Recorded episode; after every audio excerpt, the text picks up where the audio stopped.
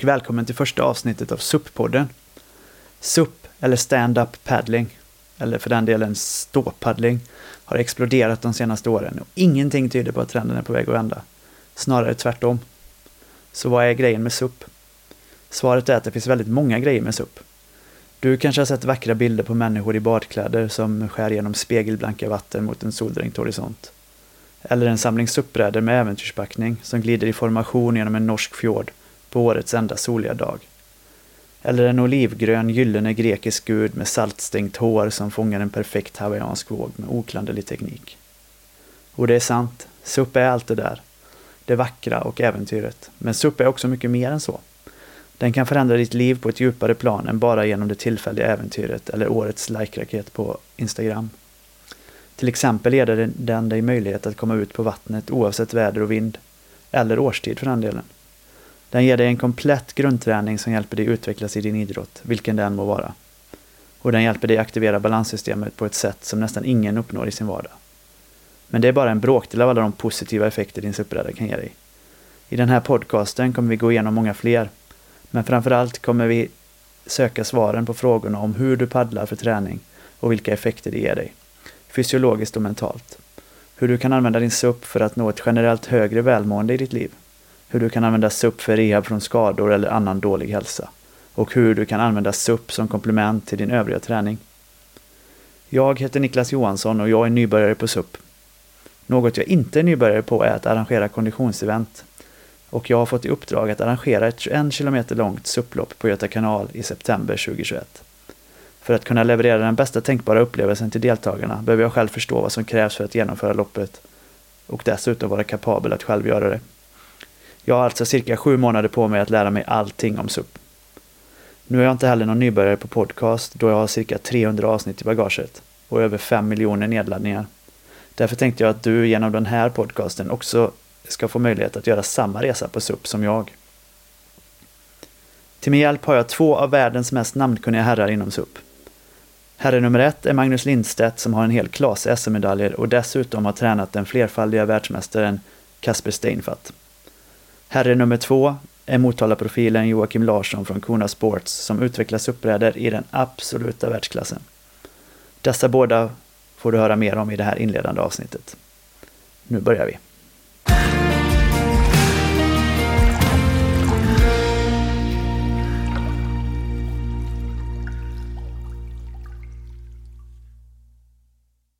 Så välkomna hit. Tack. Tack. tack. Eh, Magnus, hur många SM, eh, SM-titlar har du i SUP? Eh, bra fråga. Eh... Jag vet när jag gjorde SUP, eller poddavsnitt med dig i 2018. Då skrev jag i shownotesen att du, hade åt, att du var en åttafaldig svensk mästare. Okej. Okay. Mm, jag tror att det kan vara några fler. Det kan vara över tio. Ja. Ja men det är ändå eh, Mange, jag vet. Det är 12. Ett dussin helt enkelt. ja. ja men eh, det, I alla fall när jag tänker på SUP så är ju du i Sverige SUP Royalty. Det är dig man vill vända sig till eh, om man vill använda SUP som eh, träning och motionsredskap eh, framförallt då. Och att träna SUP. Eh, SUP kan vara mycket annat än träning men här kommer vi kanske röra oss mycket i, i konditionsidrottsvärlden. Eh, men du Joakim, du kommer från windsurfingen.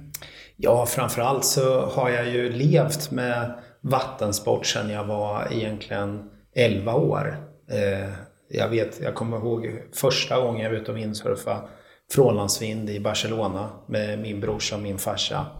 Och eh, jag tog mig inte in och jag grät, kommer jag ihåg. Men från det tillfället till idag så har jag ju varit med om väldigt mycket. Jag har ju själv seglat en 15 VM. Men framförallt de sista 10-12 åren så har jag arrangerat 10 stycken mästerskap ihop med mitt team i windsurfing. Eh, redan 2016 när vi började med det här så hade vi ju SUP på schemat. Och eh, sen dess har vi ju egentligen eh, sett SUP som framtidens idrott. Mm jag har väl gjort väldigt mycket kopplingar mellan eh, annat som jag hållit på med, löpning, framförallt cykel eh, och eh, windsurfing givetvis. Då. Jag gillar ju att vara på vattnet. Men eh, vad det har blivit de sista tio åren, det är helt fantastiskt. Men vi har ju levt det här sedan 2006 så eh, vi, vi är väl paketerade för framtiden kan man säga. Precis, ja. För när man som jag då vill börja suppa så är det ju väldigt svårt att veta vart man ska börja. Vad man eh, behöver, vart kan man hitta ett sammanhang att eh, tanka information ifrån. Vad ska jag för bräda? Vad ska jag träna? Och, eh, vad är SUP ens? Liksom? Eh, är det bara att ge sig ut och paddla med en paddel från en vanlig surfbräda eller så här? Och jag menar, det är ju där ni har kunskapen att, eh, att vägleda liksom. Nej, men jag kan väl se en liknelse med windsurfing på 80-talet. Där windsurfing blev en trendsport och alla skulle ha en eh, windsurfingbräda. Där man kan säga att 80% köpte fel. Mm. Man köpte en trend och man, eh, man, men man kom ändå in i sporten vilket gjorde att man eh, fastnade där. Va? Och eh, det var egentligen så vi tänkte när vi började med det här igen. Man kan ju säga så här att jag windsurfade när jag var, från när jag var 11 år. Sen höll jag upp i många år och jobbade med andra saker. Och när jag kom tillbaks då till det här så hade jag ju lärt mig oerhört mycket och så misstagen. Och egentligen är det ju så att SUP, SUP är ju precis i samma skede där man så att säga alla ska köpa en SUP. Men eh, väldigt många kommer köpa fel SUP eller kommer in på fel sätt. Eh, där kan vi vara med och bidra till att hjälpa till, hjälpa till optimal upplevelse. För det är faktiskt den egentligen man köper, det är upplevelsen på vattnet. Mm. Eh, där, där, har vi väldigt mycket frågor att svara på framöver i podden. Det ska bli kul. Eh, och Magnus, hur länge har du suppat? Eh, det, måste, det är faktiskt tioårsjubileum i år. Det är så? Ja, sen, sen 2010 då? 2010, räknar jag snabbt ut. Ja, och jag för mig att det var, första var i september. Ja. Eh, och eh, hur du kom in på SUP. Jag, jag vet också då från sen tidigare att eh, eh du har i över 30 år studerat och arbetat med människors prestationsförmåga i olika sammanhang. Eh, ja, och, ja, på individnivå men kanske också i organisationer och liknande. Då. Eh, och är rådgivare inom idrotts och näringsliv. Mm. Eh, du har tränat andra SUP-utövare också tror jag, mm. som, eh, genom Kanotförbundet. Eh, både det och sen framförallt eh, jobbat länge med en kille som heter Kasper Stein, eh, Steinfatt i, från Danmark som är flerfaldig världsmästare. Just det. Eh, Magnus, sju gånger va? Har han vunnit VM? Mm, nej, fem tror jag. Fem? Mm. Okej. Okay. Femfaldig VM-medaljör. Ja, Imponerande. Ja. Så, så där, därav ehm, så blev det mycket fokus på, på SUP och prestation inom SUP i det här fallet. Då. Jag hade en kompis, ehm, Krille Forsberg, som köpte en SUP 2010 tror jag. Och eh, där så, så fick jag möjlighet att testa. Och jag testade den eh, utifrån att kunna surfa vågor i Sverige sommartid. Det är ganska små vågor, blåser inte så mycket och genererar inte så, så stora vågor i, eh, i Sverige på sommaren. Så tänkte jag att det vore perfekt att kunna köra lite SUP då i vågorna. Men eh, jag tog ut den här brädan eh, och det blåste väl typ 13-14 sekundmeter. Och det gick ganska bra att paddla ut genom vågorna och gick ganska bra att surfa in. Men att vända både för att eh, paddla in på vågen och, och vända för att paddla ut igen. Där var värre. Så jag höll nog säkert på två, tre timmar och jag vet inte hur många gånger jag föll i, men eftersom det här var stående paddling så skulle man ju stå upp hela vägen. När man vände också?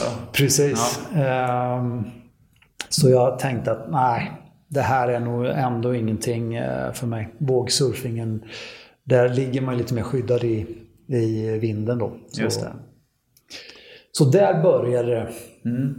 För jag vet när jag har pratat med dig om SUP så har jag mer eller mindre fått bilden av att SUP nästan kan göra mig till en bättre människa. Men eh, att det har så otroligt många ja, positiva effekter på, på alla våra system i kroppen men även på hjärnan. Då. När insåg du att SUP eh, var ett, eh, ett redskap som du kunde använda i prestationsutvecklingen? Liksom? Det var faktiskt i, i samband med det här, eh, efter då den här, eh, den här eh, situationen med, med kraftig vind och svårt att stå upp hela tiden, så, så tog jag ut brädan faktiskt när det var helt stilla. Eh, och tänkte att ja, men jag får prova paddla lite grann. Det var, jag ville bara komma ut på vattnet. Och, och kom ut och körde en stund och upptäckte att wow, det här var väldigt, väldigt, det kändes ungefär som jag efter ett längdskidpass. Eh, att jag kom in där och kände mig liksom att wow, det här, det här hände någonting med hela kroppen. Och det var också ganska provocerande för balans och så vidare. Så tänkte att hmm, jag jobbade ju med mycket klienter gällande prestationsutveckling och så. Och där har jag jobbat oftast med att provocera människor med höjd. Mm. Så att de ska faktiskt... Eh, eh, att de ska inte kunna dölja sitt beteende. Just det, och då insåg du att det kunde man göra samma sak med SUP? Exakt. Ja. Eh, ja, du kom in den vägen. Eh, hur fick du din information om hur man suppar? Har du eh, liksom fått lära dig själv längs vägen eller fanns det någon information för dig att eh, tillgå så här eh, rent tekniskt paddlar man? Och... Nej, utan eh, det fanns ju egentligen ingenting. Man hade små teorier som fanns på, på nätet helt enkelt och det var det enda. Och, eh, eh och därav gjorde det väldigt intressant att själv få upptäcka alla de här sakerna. Vad är det som händer med oss? Hur provoceras jag? Och hur kan jag göra det mer ekonomiskt och mer effektivt? Just det. Eh, jag vet att du Joakim sa till mig att eh, du började suppa redan 2012. Eh, Nej, 2006 kanske. började jag suppa. Ja. Och jag kan säga att vi jag hade ju varit från eh, windsurfing många år och sen så var det faktiskt mina barn som, eh, det är klart som förälder vill man ju lära sina barn va. Eh, och då blev det ju en ny resa kan man säga. Och vid det första tillfället, jag är ju en sån handlingens man. Jag är ganska fokuserad på att, att rörelsen blir framåt. Det man gör och jag är ganska tuff på att utmana mig själv eh, bål som man säger. Många säger så här, du tar risker. Ja, men risken gör ju då att man, eh, det är värt att leva så att säga. Va? Så jag drog faktiskt ihop mina gamla windsurfingkompisar och det här började faktiskt 2006. Jag kommer ihåg 22 september 2006. Här i Motala, här i Varamobaden. Då hade jag ringt in 30 av mina gamla windsurfingkompisar. Och de hade med sig sina barn också. Många barn. Och det var faktiskt starten på den här resan som jag har gjort sedan det tillfället. Eh, I det här tillfället så blåste det ingenting så vi kunde inte vindsurfa så vi fick ta de här brädorna då, eh, och paddla mot varandra istället. Och, och jag vet den första helgen var paddelbilder, SUP-bilder där första tillfället faktiskt. Och, och, och, eh, folk börjar ju då komma in i den här klassen och jag signade upp för att köra lite inofficiellt VM i den här brädan i Thailand redan ja. 2006. Jag frågade frugan, jag vill åka till Thailand. Får jag det? Ja men det får du. Vi var fyra grabbar som åkte dit. Och eh, vi står där på Arlanda och tittar på varann. Ja, nu är det dags igen, nu ska vi börja tävla igen och sen garvar vi. Ja. Det var mycket gamla minnen som väcktes ja, till där Ja, faktiskt. Men eh, det vart så när vi åkte därifrån. Vi hade jättetrevligt och det var väl inte de optimala förhållandena. Det blåste inte särskilt mycket. Eh, det var lite som att när vi åkte hem så var det payback time. Till en sport som hade gett oss så mycket. Mm. Det var att ge tillbaks och det var början faktiskt på både windsurfingresan men framförallt suppresan då som har tagit över kan man säga eh, till stor del.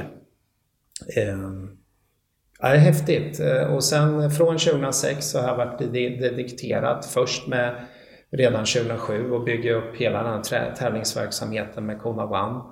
Eh, som gjorde att väldigt många människor kom tillbaks till windsurfing. Eh, jag ringde runt mina gamla kompisar, jag åkte ut med min trailer där arrangera en Kona Cup och sen på den resan är det hur det, hur det växer fram steg för steg och hur man tar större och större kontroll på varumärket och till slut så sitter vi här nu med 100% kontroll, varuskyddat i hela världen. Det är varumärke vi pratar om är ju Kona Sports då, eller Kona som ja. vi säger. Eh, den händelsen som jag var lite ute efter i min initiala fråga här eh, var eh, jag tror att det kanske var 2012 då när du stod på en suppbräda. Du hade köpt några suppbrädor och som du var ute och testade. Ja, och du eh, kände då att det här är inget bra. Supp, de här suppbrädorna är inte bra. Eh, det här kommer inte folk... Eh, ja, det, är för, det, är för, lite för hög tröskel för folk att börja suppa kanske? Eller hur var din känsla? Nej men alltså i och med att vi hade den här resan igång och vi gjorde mycket i vattnet. För vi tror att det man gör i vattnet, det skapar ju upplevelsen. och Det skapar ju till slut då att människor eh, tar steget in i så att säga det man vill göra i det här fallet windsurfing. Så jag tog, vi tog faktiskt på oss att arrangera en sån här svensk cup i SUP och eh, fick ju väldigt mycket kontakt och det var första gången jag träffade Magnus på riktigt. Jag hade sett honom på nätet och det, det, vi satt oss och pratade där eh, efter det här racet. Jag var oerhört imponerad. Magnus var ju liksom han var en kilometer före alla andra. Jag såg ju, redan då såg jag ju någonting annat. Magnus håller ju på med längdåkning på vattnet vill jag påstå. Det gjorde inte de andra och väl genomtränad och alltihopa. Så jag vart ju sugen så jag köpte mig en racebräda av ett annat varumärke. Men där, efter någon, några månader så kände jag att det är inte färdigt än. Det är bara de som är riktigt duktiga som kan göra det här. Då började i mitt huvud växa en tanke som idag är en realitet. Att inte bara göra en SUP-bräda med en färg, faktiskt bygga ett helt koncept. Och det bygger lite på som jag är. Jag ser gärna koncepten som den här seglingsklassen Kona One eller windsurfingklassen. Vi är inne i en ny era kan man säga där man försöker att se så mycket mer än att bara suppa. Eh, och, eh, Magnus och jag har ju då sedan 2012 samtalat, utvecklat våra tankar. Eh, jag har lärt mig väldigt mycket och det har sen varit ett naturligt val att jobba ihop med Magnus när vi liksom tog fram de här eh, racebrädorna med vårt designteam och alltihopa. Och det har varit oerhört inspirerande och utvecklande. Eh, inte i min vildaste tanke trodde jag att eh, jag skulle kunna tränga så långt ner i huvudet och kroppen och sporten, produktutveckling och skapa något helt annat som inte fanns där ute. Det tycker jag är, alltså rörelsen framåt hela tiden har ju varit oerhört inspirerande. Ja, men det är jätteintressant. Och Magnus är bäst på SUP i Sverige eller? Alltså Magnus eh, är bäst på SUP. Ja. Och han, på grund av att han har den absolut bästa tekniken. Jag tror inte Magnus är starkast. Men jag tror att Magnus har absolut den bästa tekniken. Som står ut över den tekniken som användes, används i världen. Det är en annan teknik. Jag skulle vilja säga att Magnus är mer som eh, Gunde Svan och eh, Stina Nilsson och alla de här längdåkarna. För Magnus använder en annan teknik som mm. är effektivare. Och den, den tar lite tid att lära sig men när man väl har lärt sig den så kommer vi faktiskt bli lite mer som längdåkningen. Det spelar inte så stor roll vad man väger, hur lång man är och hur tjock man är. Man helt enkelt anpassar, den tekniken anpassas bättre till fler människor än är idag. Börjar den spridas eh, lite bredare nu? Eh, den ståpaddlingstekniken som du lär ut Magnus? Vad, hur ser läget ut just nu? Mm, fortfarande så är, är, det inte så många. Vi har ju jobbat med det här ganska länge och väldigt intensivt och det är ju under ständig utveckling. Så man, eh, det är väl lite av därför jag har fastnat i den här sporten. Att varje träningspass, i genomsnitt kanske ett pass om dagen eh, under de här tio åren så har man lärt sig något nytt varje gång. Och det, det har faktiskt inte hänt i, i andra idrotter som jag har hållit på med. Och eh, det är också på grund av att vi provoceras på så många sätt. Det är, både vattnet provocerar oss och även balansen provocerar oss. Så att det gör att, att det är väldigt svårt att göra rätt. Det tar tid att anpassa. Kommer du kunna lära mig att göra rätt? Det hoppas jag och det är jag övertygad om. Så. Eh, det kommer gå ett supplopp här i sommar på, eh, på Göta kanal. Eh, och eh, vi tänker väl kanske att jag ska vara med på det. Självklart. Och ta mig i mål. Kommer jag kunna göra det med, på den tiden? Nu är, nu är vi i mitten på december här. Supploppet kommer kanske gå i september mm. nästa år. Början av september. Ja. Kommer jag hinna på den här tiden att eh, med, med hjälp av din eh, teknikträning då kanske Magnus och dina suppbrädor Joakim att, att hantera det här på ett bra sätt? Det kommer du självklart göra. Ja. Eh, för jag tänker mig lite att den här podcasten, det blir den resan fram till dess och att vi ska kunna täcka in eh, SUP ur alla aspekter. För ja, eh, för mig, liksom, kanske för många andra, så kan se, när man hör SUP och ser SUP första gången, det är ståpaddling och ja, det ser ut att vara en snygg bräda och ja, vad skönt det ser ut att vara på vattnet i solen. Så tänker man att det är någonting ganska enkelt att börja med och, och hålla på med. Men eh, som med alla saker, eh, cykling, löpning eller alla andra konditionsidrotter eller egentligen vad som helst, så är det ju väldigt mycket mer komplext när man väl sätter sig in i det. Eh, så det är väl det vi tänker att vi ska genom alla avsnitten här eh, eh ta oss igenom alla de delarna. Både eh, SUP-teknik och eh, brädor och eh, paddlar, allt material. Eh, och även eh, krossa en del myter eller osanningar eh, som finns i SUP-världen och försöka besvara alla frågor egentligen från alla håll. Precis. Ja. Jag tänker faktiskt att vi ska försöka under den här tiden testa ganska mycket saker som inte är testade. Bara för att faktiskt prata fakta och mm. inte bara tro. Eh, det tycker jag låter jätteintressant. Ni har väldigt mycket testutrustning för SUP-brädor om jag har förstått saken rätt. Så att, eh, det kommer bli otroligt intressant ju. Eh, vi kommer starta en YouTube-kanal och koppla hit till podden. Stämmer. Så att vi kan ge rörlig bild även på de här testen och kanske även då när jag gör försök att suppa. Precis. Ja. Och att vi även kan visa eh, Podcast är ett underbart eh, medium så tillvida att man kan eh, lyssna på det var som helst. Men just att visa teknik eller eh, hur man ska hålla en paddel eller vinkla en paddel eller liknande. Där gör sig faktiskt bild mycket bättre. Men vi tänker att podd och, och film kommer komplettera varandra väldigt bra där. Ehm, och jag är väldigt glad att eh, ni är med mig på den här resan. För annars vet jag inte om det hade blivit någon SUP överhuvudtaget om jag ens hade hamnat på vattnet. Vart börjar man liksom? Och vart, vart, ska vi ta, vart tycker ni att vi ska ta avstamp i, i här i podcasten? Eh, om man ser det här som vårt eh, liksom presentationsavsnitt så ska vi också göra vårt första avsnitt eh, där jag på något sätt ska eh, närma mig SUP och och kanske ta mig ut på vattnet. Var, var, tycker ni att man ska börja någonstans? Om man likt mig då är en hel novis. Nej, men, eh, vi ska ju komma ihåg där att det finns tiotusentals människor nu som har köpt en uppblåsbar SUP. Som behöver guidas eh, för att få den här upplevelsen, här kärleken. Det är inte bara solnedgången och att det är fantastiskt på vattnet. Jag ser väl kanske att vi ska hjälpa till och bidra med att människor mår bra.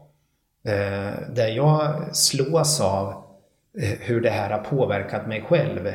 Jag menar, eh, att, att stå på vattnet och hålla den där balansen som skjuter på eh, liksom de här eh, nervtrådarna upp till hjärnan och du får fler och fler kopplingar som du skapar det här annorlunda rörelsemönstret som man liksom botad av de här defekterna man, man bygger upp på grund av att man har ensidig träning eller att man kanske inte tränar alls.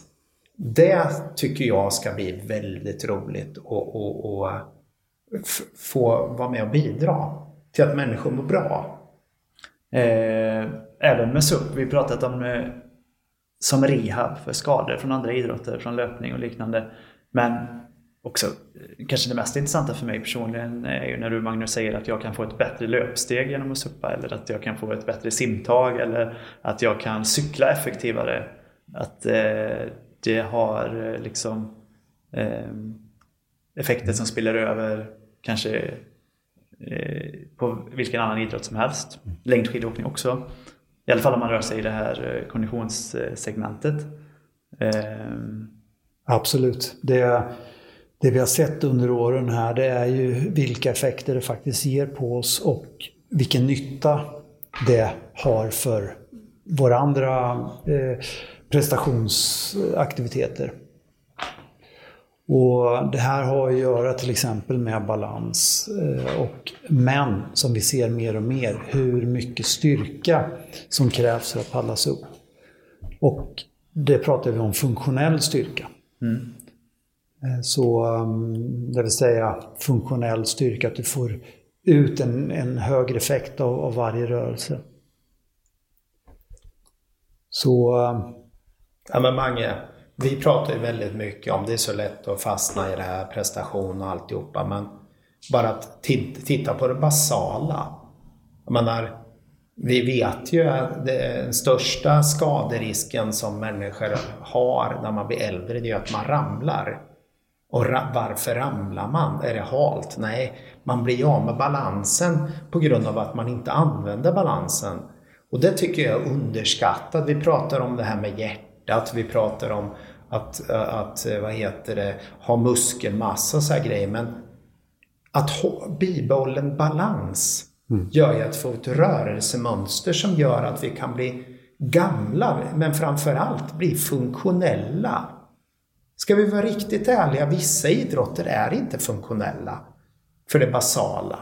Man gör dem för de är roliga, men i vissa idrotter skapar ju faktiskt skadorna. Mm. Och jag menar, det tycker jag är så intressant med SUP, att vi liksom börjar använda kroppen. Det var någon som myntade, vi har ju, vi har ju idrottsfysiologer och människor som jobbar med träning. De ser ju SUP som det här liksom 220 muskler, kanske ännu mer i rörelse när man verkligen tar i. Gå på gymmet och försök köra 220 muskler samtidigt. Det funkar ju inte va? Nej, jag så tänkte jag... på det du sa att vi behöver ha en bibehållen balans. Jag tror inte, de allra flesta har inte ens så bra balans att bibehålla. Utan vi kanske behöver ha en utvecklad balans i vårt moderna samhälle, eller i våra moderna liv. Ja men alltså vi har ju haft paddlare som kommer till oss som verkligen är superrädda för vattnet. De står på knäna alla de här, det kommer Magnus komma in på hur hjärnan funkar lite mer med de här skyddsreflexerna som slår på skyddsmekanismerna och man spänner sig, drar ihop sig och sen kan man inte, inte paddla, man skakar där ute. Man ser, det är helt grymt hur man kan ta den, den första gången när man suppaddlar, bara om ett antal gånger, hur människorna utvecklas. Jag brukar säga att när man börjar utvecklas och man börjar använda nerverna och hjärnan kommer in här, det är så jädrans mycket andra effekter. Vi har haft människor som är nästan onyktra när de har paddlat efter. Men det är, de är euforiska för att de har ju för första gången på många år börjat använda de här nerverna som har sovit. Jag menar, ta nerver som sover, det är ju som rör. De korkar ju igen. Och det är klart att framåtlutade positioner, titta i våra skärmar, röra oss allt mindre. Vi måste ju börja vara stå, uppåtstående, börja aktivera balansen. Det är ju de effekterna som jag tycker, liksom, det är ju storheten. Mm. Varför tycker du SUP är bättre än andra idrotter på det, Magnus? Eh, bättre och bättre, svårt att säga. Men, men vad det handlar om för min del i det här fallet, det är ju just, om vi tittar på balansen igen, för att svara på din fråga tidigare så, så har ju balansen att göra med att eh, vi tenderar att röra oss in mot mitten. Alltså vår tyngdpunkt strävar inåt mitten istället för att vara kvar på frånskjutsbenet till exempel när vi går eller springer. Och det här börjar vi att jobba med inom suppen helt enkelt. Att när vi står på brädan så börjar eh, det vi kallar för det proprioceptiva systemet, ett av balanssystemen, börjar bli mer aktivt. Det gör också att vi faktiskt börjar kunna få bättre balans på ett ben och skifta balans mellan benen helt enkelt. Och det gör att, att balansen blir eh, effektivare. Balans, du får en bättre balans i den förmågan. Att du, du har svårare att tappa balansen. Och om du skulle tappa balansen så kan du korrigera balansen mycket, mycket snabbare. Ja, men det har ju med nerverna att de reagerar bättre. Du får ett annat rörelsemönster. Får ett annat rörelsemönster så skadar du inte lika mycket. Jag jag känner ju det när man börjar med klient, alltså jag paddlar ju väldigt mycket med nya människor fortfarande för att jag ska få en bild av var vi ska, var vi ska ta oss någonstans. Samtidigt som jag paddlar med de bästa paddlarna. Jag försöker ju koppla ihop den här resan för att man ska få människor att må bra. Det är det som är, det är, liksom, det är ju slutpunkten. Och sen, eh, det jag kan se, det är ju det att många människor som bara står på brädan Alltså får ju superbra träning. Mm. Både i hjärnan och i kroppen. Och, och, klart att använder man 220 muskler, det är klart att du får träningsverk. Och, och jag, när vi har sett när människor paddlar så förflyttar man sig ju i princip varje gång man är ute. Och sen när man har lärt sig visst, viss steg, då behöver man ha en liten puff. För jag menar, om vi säger att vi köper en bräda och sen köper vi med paddel och sen så lär man sig paddla.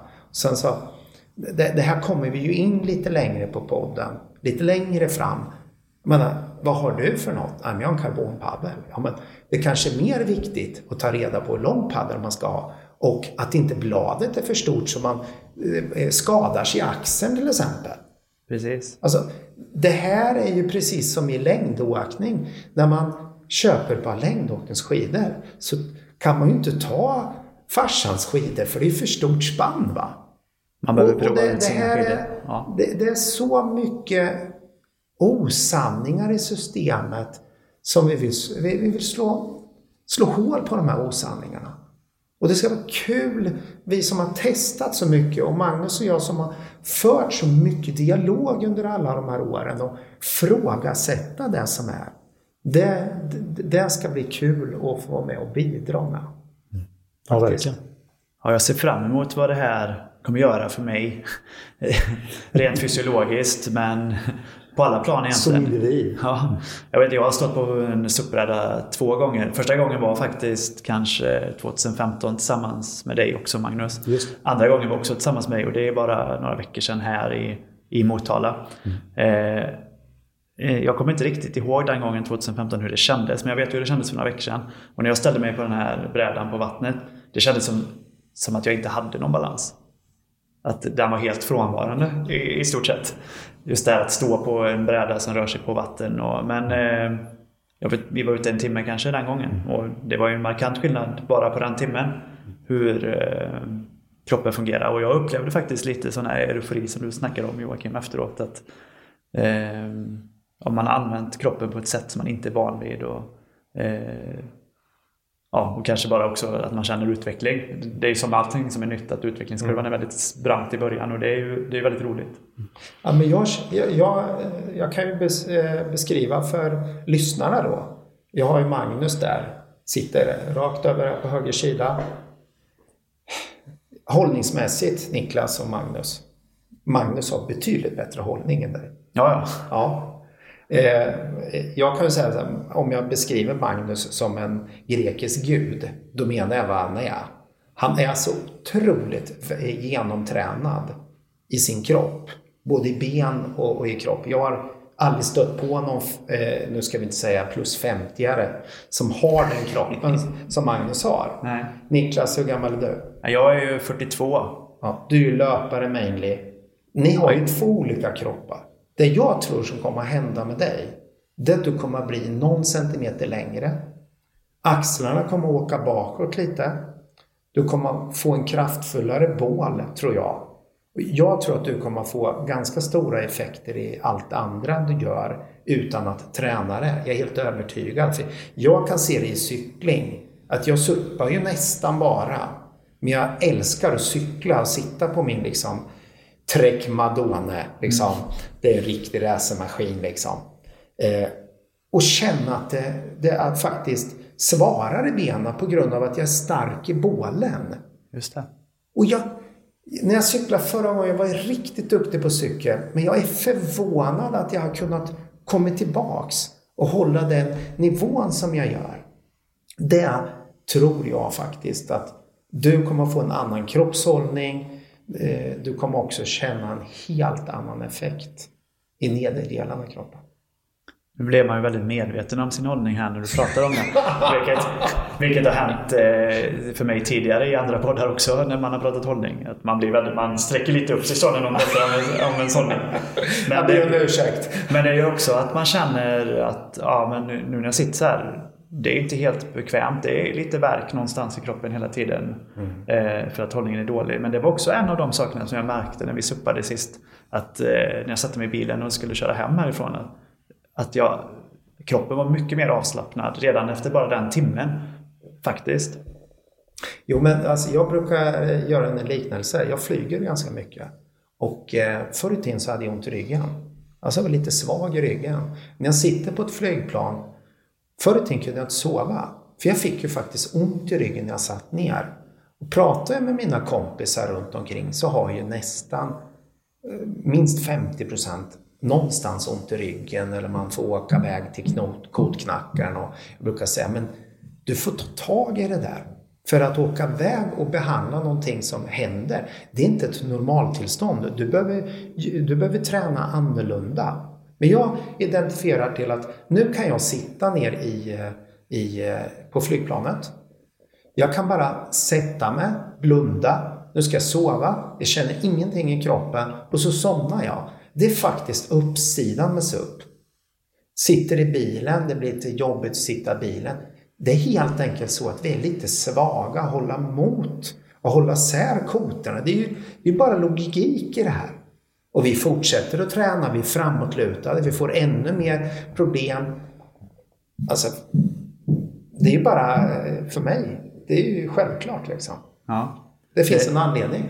Det blir nästan rehabträning bara att suppa. Man behöver, man behöver inte ens se det som rehab. Det, det är en effekt av det då kanske. Absolut. Så, eh, om man ser det då som vi pratade om det här att man blir väldigt trött och får ont i kroppen bara man sitter ner. Som du säger, många av dina kompisar. Eller står upp. Ja, och det är ju en effekt av att de allra flesta sitter ner hela dagarna. Ja. Och sjunker ihop så här så som du beskrev att jag gör. Till skillnad från Magnus då. Som är väldigt bra. Men det är ju sant när man tittar på Magnus. Han är ju som en Ja, men han är som en grekisk gud. Som en fjäder. Ja. Jag ska lägga ut en bild på Magnus när han suppar i podden så ska ni få se. Jag har inte fel. En annan grej som jag funderar lite på också. Det är att eh, jag tror helt enkelt att eh, många är ju inte upplysta av att det faktiskt finns lösningar. Och hålla på med rehab på gymmet och stå på balansbollar och alltihopa. Det är jättekul ett tag. Men tänk er själva att du går ut varje, tränar kanske varannat träningspass så förebygger du ju för att du ska kunna hålla på och cykla och springa i framtiden också. Ja. Eh, en sak som jag har funderat på som man pratar mycket om i andra idrotter är ju ställtid. Hur lång tid det tar att ta sig eh, ut och göra sin idrott och liknande. Eh, det tror jag många kan tänka med SUP att det är, det är mycket ställtid och kanske krångligt att ta sig ut om man inte bor precis jämte vatten och liknande. Eh, det, nej, det är ju helt beroende på vart man bor naturligtvis. Men eh, om vi tar det till exempel i Motala, där vi är just nu. Ja, vi, vi pratar ju svenska nu i podden, så vi kittar ut i Sverige och då tänker jag att väldigt många bor ju nära sjöar i Sverige, Precis. eller vattennära. Exakt. Men säg så här, att varenda stad i hela Sverige har ju ett vattendrag. Det är därför staden ligger där. Mm. För man är beroende av vatten. Så jag vill påstå med en uppblåsbar SUP i en ryggsäck eh, där det tar fem minuter att pumpa upp sin SUP eh, och en eh, hopfällbar paddel. För mig är ju det du har ju till exempel om man sticker ut och kör mountainbike så ska du ha en mountainbike. Du ska tvätta mountainbiken efter också. Du är jävligt skitig. Så det är ju ingen skillnad mot cykla eller åka mountainbike eller åka längdskidor. Du ska ut i spåret eller Eh, det, alltså det är ju väl, det beror ju på, det handlar ju om hur man sätter upp livet. Precis. Så Nej, det är, det är väldigt tillgängligt alltså. Det är viktigt att poängtera för de allra flesta tänker nog att längdskidor är ganska tillgängligt. Men jag tänker att den största delen av befolkningen har ju betydligt närmare till ett vattendrag än till ett längdskidspår. Mm. Speciellt i den södra delen av vårt land. Man slipper valla också. Eller hur? För suppar kan man inte valla eller? De kan, har inte kan, kan man. Ja. Nej men eh, det, det, tror jag nämligen är en tanke och som jag också har tänkt att det är ju väldigt ställtid det här att hålla på med SUP. Men ja, som du säger Joakim, jämfört med andra idrotter så är det kanske egentligen inte någon större skillnad. Ja, men osanningarna är ju att det tar tid att komma på vattnet. Kanske att man tycker det är kallt, det är inte kallt. Att det är svårt. Alla de tre myterna är ju fel. För att det är ju inte svårt om man får, eh, ja, man får rätt bräda kanske. Man får rätt eh, coachning för att köra det här. Det är inte kallt, det är precis som längdåkning. Längdåkning är ju inte kallt. Eh, och cykel är ju inte kallt. Eh, åka slalom är ju inte kallt. Det handlar ju bara om hur man klär sig. För att om du använder 220 muskelgrupper och du paddlar framåt så genererar du en oerhört massa med energi. Den måste ju ta vägen någonstans. Så ja, till 95 procent av fallen som jag är ute och kör, men sen så 5 så utmanar jag mig mer då. Va? Men där, eh, det finns ju inte en tanke på att ramla i. Det var ju det enda jag tänkte på när jag suppade för några veckor sedan med Magnus. Men jag trillade ju en gång på en timme. Jo, och mm. jag var också orolig för att det skulle vara kallt. Men, men det var det inte heller. Nej, det är helt osant. Ja. Eh, ja men det är viktigt. Eh, det tycker jag att det är en av våra eh, huvudsyften här i podcasten. Eh, är att slå hål på alla de här osanningarna. Speciellt för min egen del. För att jag eh, tänker ju dem också. Det är lång ställtid, det kommer vara kallt. Nej, men jag Magnus vet... sa att vi skulle suppa i november så tänkte jag ju direkt, va? I november? Nej, men jag vet ju 2010 eh, kom vi med uppblåsbara suppar första gången då. Det är ju ja, det är tio år sedan kan man ju säga. Och min, jag stack ut med min, hela min familj och körde och är ute i solnedgången. Och, ja, det var ju jävligt häftigt att man kunde släppa ur luften. Va? Ungarna som bodde både i, eller nu bor de i storstäderna, alla mina barn har ju upplösbara suppar. De bor i Stockholm, de bor i Lund, de bor i Åre. Va? Ja. Menar, det är ju ett naturligt element för dem att vara nu. Och, och, väldigt många det sprids med, precis som ute och gå i naturen, precis som att åka längdskidor, precis som att cykla. En uppblåsbar SUP, det är ju en annan dimension. Man upplever naturen på ett annat sätt från vattnet än man till och med gör på en cykel i skogen eller Men framförallt vet, om du vänder på det, om du är på land och tittar utåt, då ser du ju vattnet. Men när du är på vattnet, då ser du ju land. Det är, det är en ganska stor, stor skillnad på perspektivet. Eh, och sen är det ju, vatten är ju lugnande.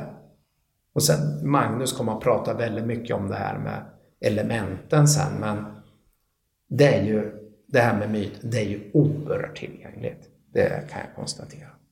Absolut, det är ju det är just därför det, det passar så många. Alltså det, det är så funktionellt och så lättillgängligt vilket gör att, och dessutom skonsamt. Det är väldigt svårt att skada sig upp. Överbelastning finns ju nästan inte. Finns det överbelastning så kommer det beroende på att du redan har, eh, vad ska man säga, någon asymmetri i kroppen. Och eh, miljön gör också att du låser upp dig i början, vilket kan ge eh, lite verk då. Men, Man eh, spänner sig lite så. Det, exakt. Ja, det upplevde jag ju också själv när jag mm. skulle stå på suppen. Mm. Man, det här med balansen och allting. Här, här är ett exempel. Linus Karlsson som är en av Sveriges bästa paddlare. Han brukar säga det att när han får frågan om, om det är svårt. Mm. Och, och man faller i ofta. Och um, han brukar säga att du faller i lika ofta som du faller när du är ute och springer. Och det stämmer nog ganska bra. Mm. Ja. Det är ju jätteintressant. För det mm. tror jag också att jag och många andra tänker att man får ändå räkna med att man trillar i några gånger varje gång man är ute. Eh.